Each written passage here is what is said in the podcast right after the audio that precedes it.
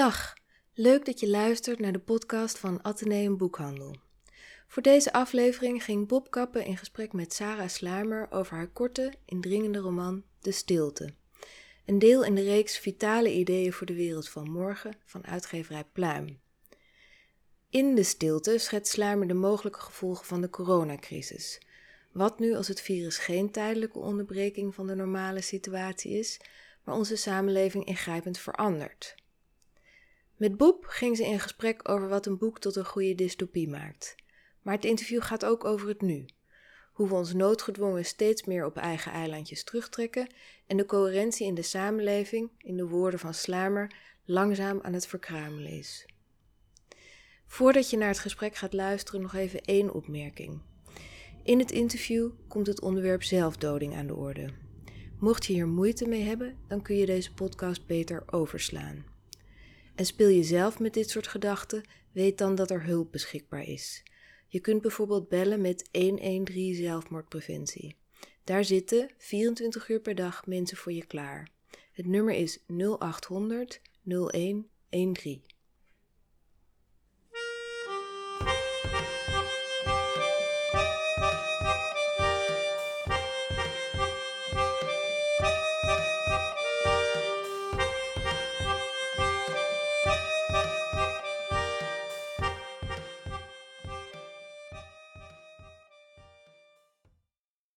Is aan jou. Ja, zal ik een stukje voorlezen?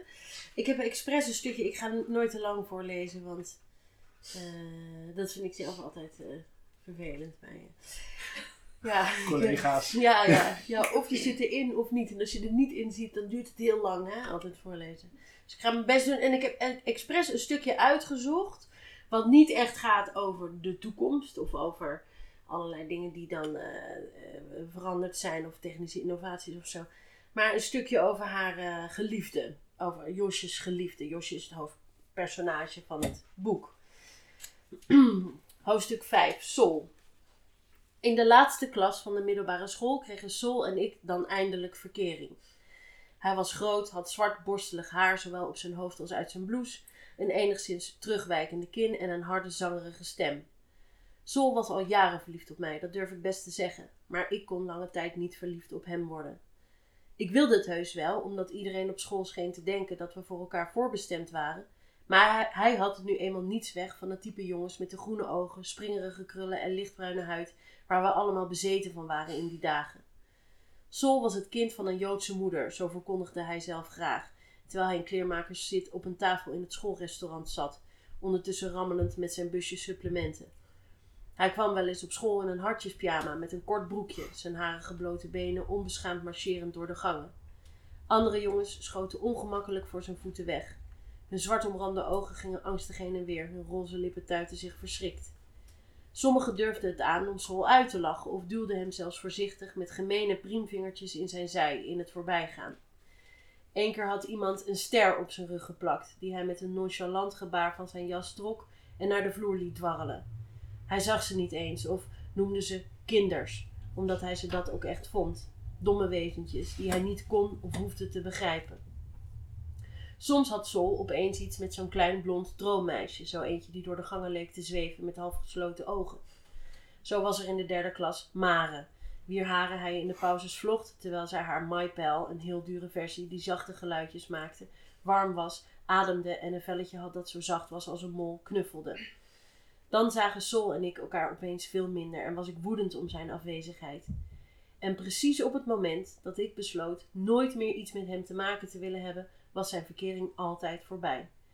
Dan zat hij weer, met die scheve zeeroversmond alleen in een hoek met zijn goggles op, larmoyante Torah te lezen. Als ik dan langzaam met de laatste golven jaloezie nog in mijn buik naast hem ging zitten, legde hij zijn hand op mijn arm en zei laag: Dag kiddo.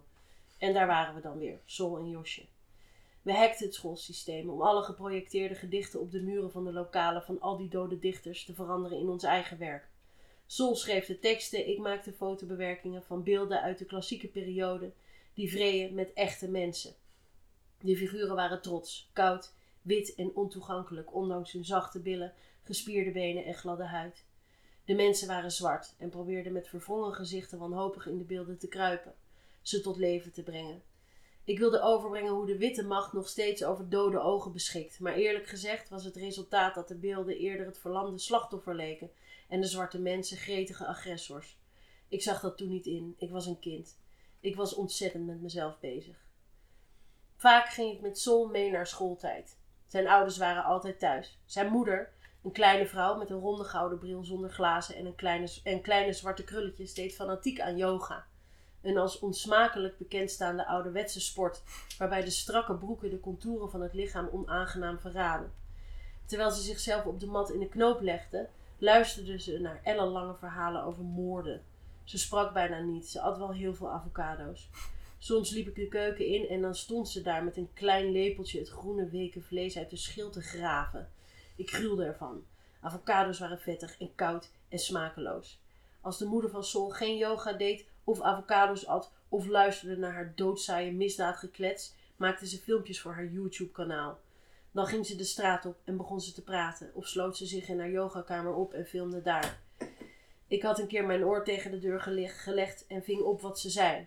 Soms is het gewoon zo zwaar, zei ze met een huilerige stem. Dan zie ik het niet meer zitten. Jullie begrijpen de vreselijke druk niet waaronder ik leef. Heel soms kwam er een pakket voor haar. Daar stortte ze zich dan op als een uitgehongerd dier. Maar er zaten altijd dingen in als biosokken of graszaden. Eén keer smeet ze het doosje in een hoek en beende woedend weg.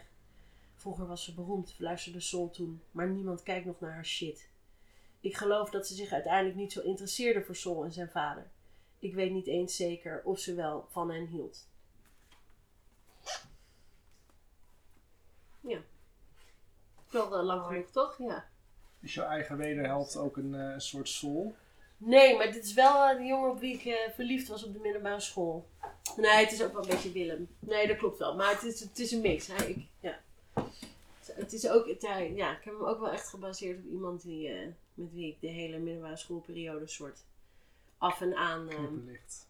Wat is van hem geworden? Hij is nu programmamaker bij Oostpol. Ja. Hij is op een gegeven moment zanger geworden en toen kreeg hij het ook nog voor elkaar om in Paradiso te zingen en zo. Het is een heel wonderlijk iemand. Uh, hij heeft eerst heeft hij mij eigenlijk gevolgd tot ik zo jaar of 25 was. Dus iedere studie die ik ging doen, ging hij ook doen. Uh, op een gegeven moment, ik weet, dat was dan nog wel middelbare school, had ik een baantje in het uh, bejaardentehuis. En uh, dan moest ik elke avond, zat ik dan achter de receptie. Zo. Toen kwam hij op een gegeven moment, uh, zag ik opeens zo'n koffiekar voorbij komen waar hij zo achter. Ben je hier nou ook? Hij was blijven zitten en had dus geregeld dat hij bij mij in de klas kwam. Ik heb echt een soort van tien jaar zo een beetje aan die jongen vastgezeten. Maar hij is inmiddels ook alweer tien jaar gewoon heel gelukkig met uh, zijn vriendin. En uh, ja, was wel, maar bijvoorbeeld wat ik,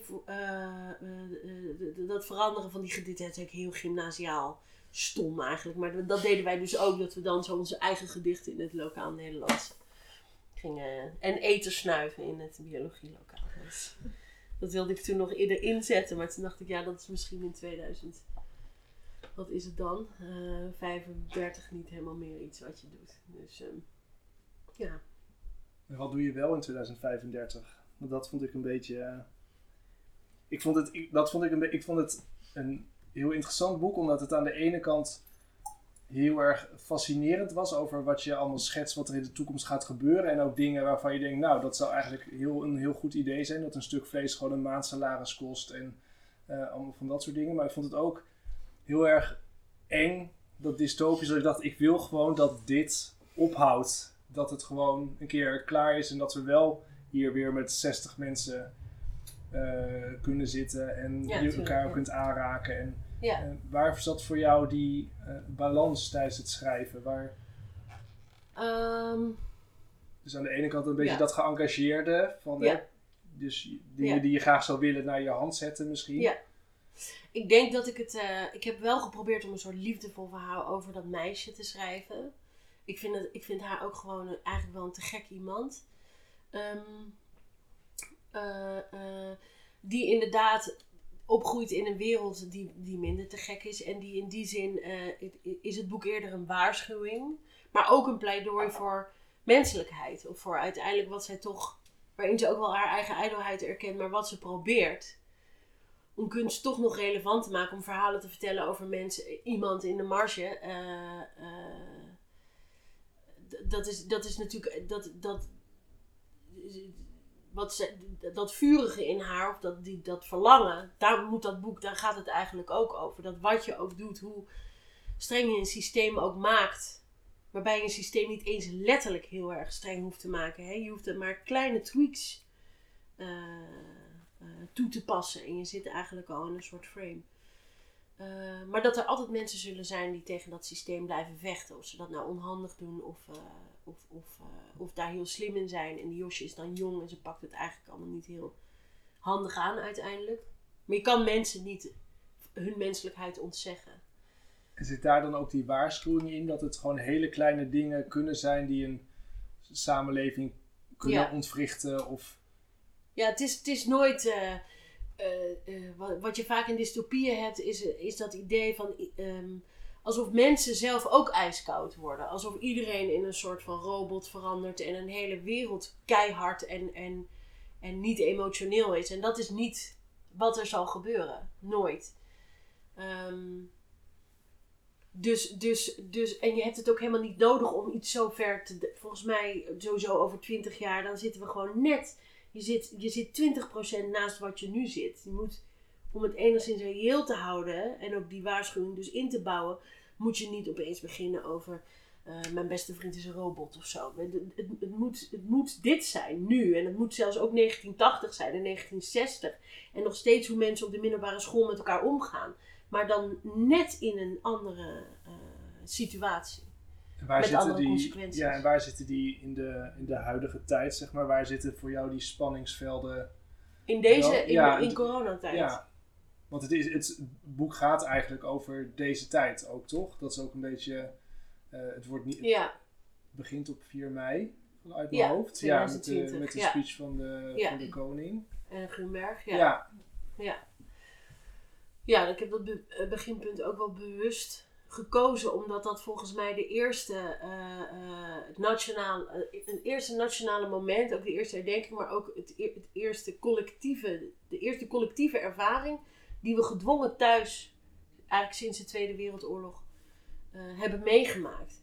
En waarin er, en dat moet de toekomst nog maar uitwijzen, maar waarin er een soort overgangsmoment leek te zitten van die Tweede Wereldoorlog naar iets wat nu aan de hand is. Iets nieuws wat daar niet overheen schuift of zo. Maar in ieder geval daarnaast lijkt te komen staan. Toch wel een hele hevige, vreemde crisis. Eh, dus ergens is op die 4 mei 2020 vind ik ook in, mijn hoofd is de nieuwe tijd begonnen. En wat die nieuwe tijd eh, wat die inhoudt.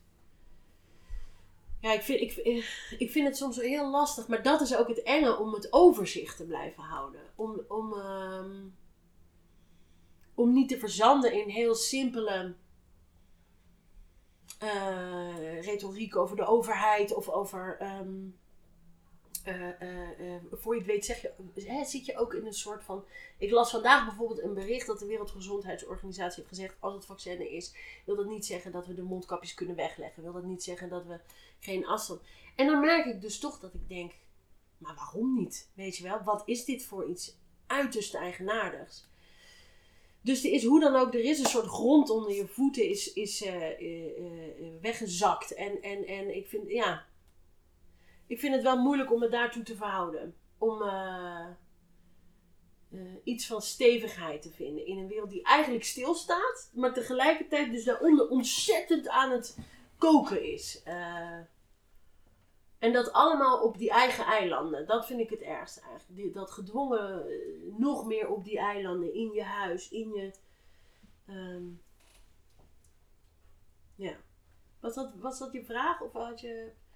Je, Nee, ja. net iets anders. Ja, het was meer of, je, of er echt di- eh, specifieke dingen zijn in deze tijd die, die echt op zo'n schakelpunt zitten. Ik denk dat de hele coherentie, in hoeverre die nog bestond, maar van eh, eh, onze samenleving langzaam aan het verkruimelen is. Ja, dat denk ik wel. Dus dat is helemaal niet zo leuk. Nee. Nee, ja, nee, nee ik, denk, ik, denk dat, ik denk dat toch echt wel.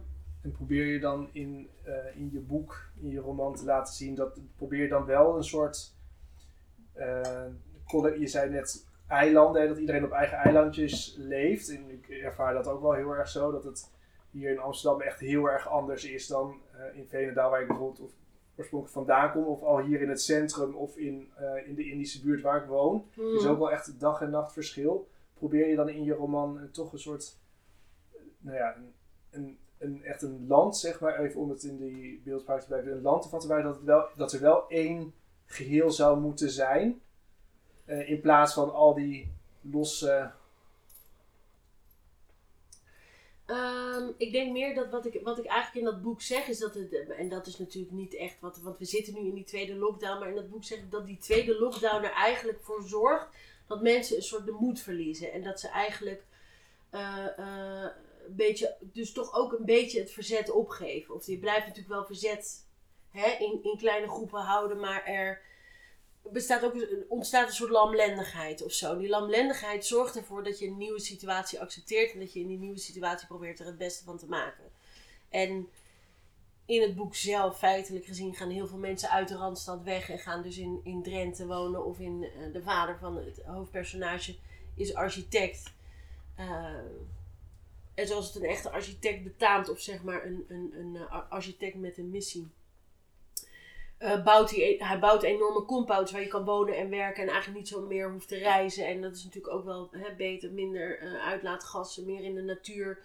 Eh, de dijken gaan op een gegeven moment door, dus eh, het linkerdeel van Nederland, of het westen, zal verdwijnen.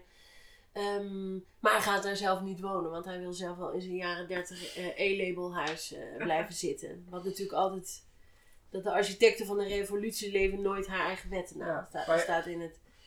Eh, dus het, dus het, gaat ook, het gaat ook heel duidelijk over elite. Het gaat over een hele kleine elitegroep, nog kleiner dan nu.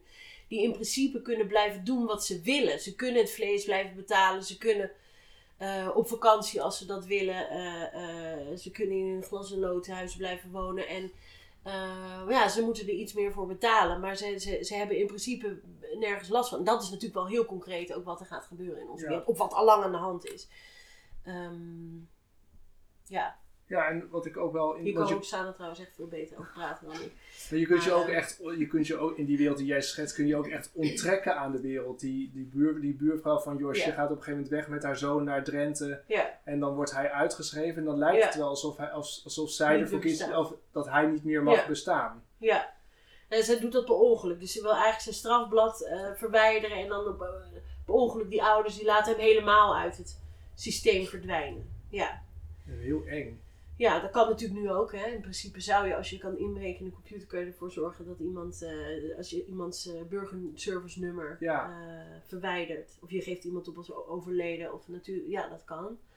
Alleen daar is het inderdaad zo dat mensen, als ze een fout begaan.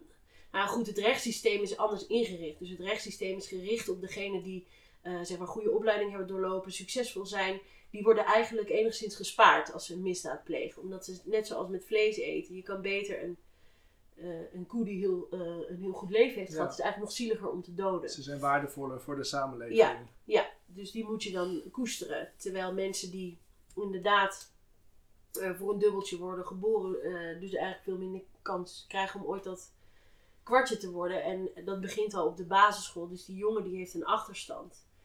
En die, eh, komt, komt gewoon niet, die, die redt het niet meer. Die, die, en die maakt een fout en die maakt nog een fout. En dan is hij gewoon verloren. En verdwijnt hij dus tussen de mazen. Van Ja. het- Ik vond hem wel het ontroerendste personage eigenlijk. Vooral die jongen. ja, Ja. Do- Dorian. Dorian, Ja. ja. Vooral het moment dat hij eh, eh, op die flat staat en dan tegen Josje zegt: Nou, ik wil dat je filmt dat ik spring. Ik vond dat echt he- heel indruk. Nou ja, heel indruk. Een paar maanden geleden is een vriend van mij is van een flat gesprongen. En toen dacht echt van: hoe zou het zijn eh, als daar iemand bij was geweest? Want zijn moeder wil heel, erg, die wil heel erg graag weten: waarom heeft hij het gedaan? Hoe is hij gesprongen? Wat ging er in en om? En dit was een soort. eh, ik vond dat heel erg confronterend, maar ook wel stiekem vond ik het iets moois hebben. Dat, er, dat zij werd gedwongen om daar eh, bij aanwezig te zijn. Maar dat vond ik zo tragisch, dat er dus een samenleving kan ontstaan waarin mensen dus... Want er plegen meer mensen, doen meer mensen zelfdoding. Ehm, dat, is, dat lijkt voor, heel, de, voor een aantal karakters wel de enige uitweg. is dat ook een beetje een soort schrikbeeld wat je hebt voor onze samenleving. Die, eh, Ja. Nou ja, ja, het is de uiterste consequentie. Ik was er toen corona begon bijvoorbeeld best wel bang voor. Dat, Ja. dat heel veel men, kunstenaars of zo, die Ja. allemaal banen kwijtraken. Dat, dat, ik vind het heel fijn dat er niet zoveel zelfdodingen lijken te Ja. zijn. Of meer dan Ik denk dat normaal. dat, ik, ik weet de cijfers niet precies, maar ik hoorde wel weer van een vriendin van mij die psychiater is. Dat ze zei, dat neemt wel toe, maar het- er is een duidelijke keuze om dat niet te vertellen. Ja, tot oké, nu toe. ja, om ja. dat niet te veel... ja, nee, ja, ik, ja. ehm, ja. Maar goed, dat is ook één psychiater, die heeft ook niet alle cijfers van. eh. Ja, dat weet ik ook niet. Maar of dat... ehm, ja, ik denk voor hem is dat... eh, eh, maar ook zijn moeder. ja. Ja, ook nog eens. Jeetje, Mina. Ja. Nee, ik, eh, ehm, ja. Ja, als het op een gegeven moment als het, of als, als, als het zo onvergeeflijk is. Of eigenlijk van je eis, misschien kan je nog wel terugkruipen, maar dan moet je zo, dan moet je zo kruipen. Dan moet je zo al je menselijkheid, alles wat je wil, alles wat je verlangt in het leven, moet je opzij schuiven om maar weer een beetje een plekje te krijgen. Dan kan ik me goed de, de vernedering ook ehm, van die manier van leven. En zeker ook bij die Dorian. Eh, dat is gewoon een jongen, dat blijkt ook, die beschikt over een aantal flinke talenten. Waar hij helemaal niet de kans voor heeft gehad om die, om die nou ja, te tonen. En dan heeft hij natuurlijk ook nog eens een, een zwakke gezondheid. En dan is, het, ja, dan is het voor hem op een gegeven moment. En dat is natuurlijk ook een beetje eng wat je nu hoort, de rechtsverschijnselen van corona. Of dat dat toch wel steeds meer. Ik hoorde net op de radio in de Uber hier naartoe dat er ook iets is met bindweefsel nu. Hè? In de ademspieren zijn ze achtergekomen dat dat ertussen. Nou ja, goed. Dus, dus eh, zo, ja. Dat weten we ook nog allemaal niet. En, hij, en ik heb daar gewoon over gefantaseerd. En dat is inderdaad niet zo heel vrolijk. Maar wat nou als die ziekte op lange termijn ehm, ja, voor, voor, voor, voor, voor, veel schade zorgt. En of, of je misschien je uitput of zo. Ja, zoals dat bij de jongen is. Eh, en dan is het ook nog eens zo dat het is niet alleen, hij maakt niet alleen fouten, gewoon zijn zwakke gezondheid zorgt er al vanaf zijn kindertijd voor dat hij eh, in een bepaalde groep Ja. wordt geplaatst. En, eh, Ja, want er zit, het is eigenlijk een heel erg dun boekje, maar er Ja. zit zoveel in. Hoe heb je jezelf een beetje in bedwang gehouden? ik had niet zo lang om het te schrijven, dus dat, dat hielp wel.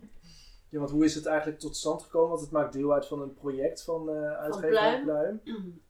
Ja, eh Mitsi eh, van de Pluim, die, die belde mij. Die vroeg van, vind je het leuk om een boekje in die serie te schrijven? En die zei eerst van, vind je het leuk om een, een pamflet over de, de kunsten te schrijven? En eh, toen dacht ik van, eh, dat vind ik wel leuk. Maar toen dacht ik, ik, ik, heb heel veel zin om nu eh, fictie te schrijven. Dus dat zei ik tegen haar. En toen zei ik, ik wil eigenlijk... En ik was toen bezig met... Er is een serie die komt uit 1999. Daar ben ik nog steeds een essay voor aan het schrijven voor Vrij Nederland. Sorry Vrij Nederland, ik had dit al veel eerder moeten inleveren. Over een serie van de VPRO. Leven en Dood van Kidam Kidam uit 1999. Dus, en die serie, daar dacht ik opeens aan. Toen zocht ik iets op YouTube, stond nog maar één fragmentje. Was een hele dure serie. April 2020 speelt die serie. En het was april 2020 toen. Toen ben ik die serie heb ik opgevraagd. En dat gaat dus over een jongen die in 2000 is geboren. En in 2020 ter dood veroordeeld wordt. Met echt, het is idioot die serie. Het is gewoon, iedereen heeft van die ruimtepakken aan. En weet je wel. Maar het is ook heel tof. Er zitten heel, heel, heel erg toffe dingen in. Ze hebben bijvoorbeeld vluchtelingen mogen blijven, maar dan krijgen ze een huis. En dat huis is helemaal Hollands ingericht. Met een beetje van hun eigen cultuur, maar helemaal Hollands. En ze moeten altijd de gordijnen open hebben. En busladingen toeristen mogen gewoon binnenkomen om te kijken hoe ze dan leven. Dat is dan de En je krijgt een oranje voordeur. Dan weet ze. Dus er zitten hele goede dingen in. Ja, ik heb dat echt opgevroten gewoon. En allemaal acteurs. Halina Rijn, die toen echt 16 was of zo, die zitten in. En eh, eh, ja, nee, 20. Maar heel erg tof. En toen dacht ik van... eh, ik wilde daar iets over schrijven, maar toen dacht ik opeens van ja, maar ik moet iets schrijven, weet je wel, wat in 2020 begint. En dan, eh, en dan ook niet de fout, de fout, weet je wel, niet proberen om echt zo, en dan is iedereen, weet je wel, heel, eh, ehm, gewoon net naast het nu te zetten. Dus, dus, Dat het wel geloofwaardiger blijft, zeg maar. ja, dat is ook enger, natuurlijk. Ja. En als je nu naar 2000 kijkt, dan, dan lijkt dat ook heel erg op deze tijd. Er is natuurlijk, er is veel, maar er is natuurlijk, de, ja, mensen, onze omgang is in principe, ook al kunnen we elkaar nu niet aanraken, grotendeels hetzelfde gebleven. Bijvoorbeeld onze verlangens, onze dromen, onze eh, hoop. Ja. Vond je het zelf soms eng tijdens het schrijven? Dat je dacht, wat ik nu bedenk, moet er niet aan denken dat dat... Nee, ik heb een vreemd ding dat ik altijd hoor als ik iets heb geschreven dat het best wel somber is. En dat ik dan altijd denk, nou valt toch mee. Dat bij mijn eerste boek ook dat iedereen zei, die man is zo'n klootzak. En dat ik dacht, ik vind hem echt heel aardig. Of niet aardig, maar ik had met hem te doen. Ik voelde liefde voor hem of zo. Dus dingen vallen bij mij, denk ik, soms wat somberder uit dan de bedoeling of zo. Dus dat, dat heb ik niet zo ervaren tijdens het schrijven. Nee, toen, toen vond ik het, eh, vond ik het, ik vond het echt heerlijk om te doen. Ja, een gekke escape eigenlijk. Ja. Het was een geruststelling ook voor mezelf. Misschien, van schrijf het allemaal maar op, hoe erg het zou kunnen zijn. Dan, eh, Valt het allemaal wel mee? ja, maar dus ook wel gewoon met aardige mensen. Ik heb wel expres, ik bedoel, er zitten wat na, maar het zijn gewoon aardige mensen. Haar ouders zijn aardig, zij is aardig, haar buurjongen is aardig, haar vriend is aardig, weet je wel. Het zijn gewoon goede mensen. Ehm, ja, dus dat. Ja. En het eindigt eh, open. Ja, Eh, ben je klaar met Josje of komt er... nee, dat is een goeie. Ik had met Mitsi erover te zeggen, ik moet eigenlijk over, over vijf jaar er nog eens schrijven. Gewoon... eh, en dan nog een keer gewoon, ook niet te dik, weet je wel. Dat je gewoon één keer in de vijf jaar een keertje honderd pagina's Josje schrijft. Best wel leuk. Dus eh, dat ga ik misschien wel doen, ja. Want ik had ook wel het idee, ik had niet zo lang hiervoor. En toen was ik klaar. Toen dacht ik ook, ja, ik ben nog niet helemaal klaar met deze vrouw. Ik wilde ook veertig zien worden of zo. Ik vind het een leuk, leuk mens. Dus eh, ze mag nog, ja, ze hoeft niet per se van mij nu eh, voor goed eh, de kast in. Ja, dus dat zou kunnen, ja. Nee, dat kan ik niemand aanraden om in de kast te gaan zitten. Maar Nee. kom- je dan weer langs over vijf... Sorry, dat was te makkelijk. Ja. Echt heel hard ook gelijk, ja. Kom je dan weer over vijf jaar? Ja, tuurlijk. Ja, tuurlijk. Heel Ja? graag. Ja, ja. Dankjewel. Dankjewel.